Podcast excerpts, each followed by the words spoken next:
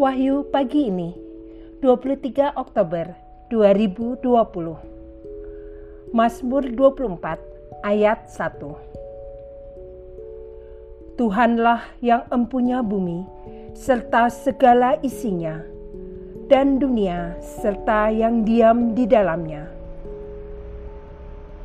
Saudara-saudari terkasih Meskipun bumi saat ini sedang dalam masa pandemi, tetaplah teguh dalam iman bahwa Tuhan tidak pernah meninggalkan kita.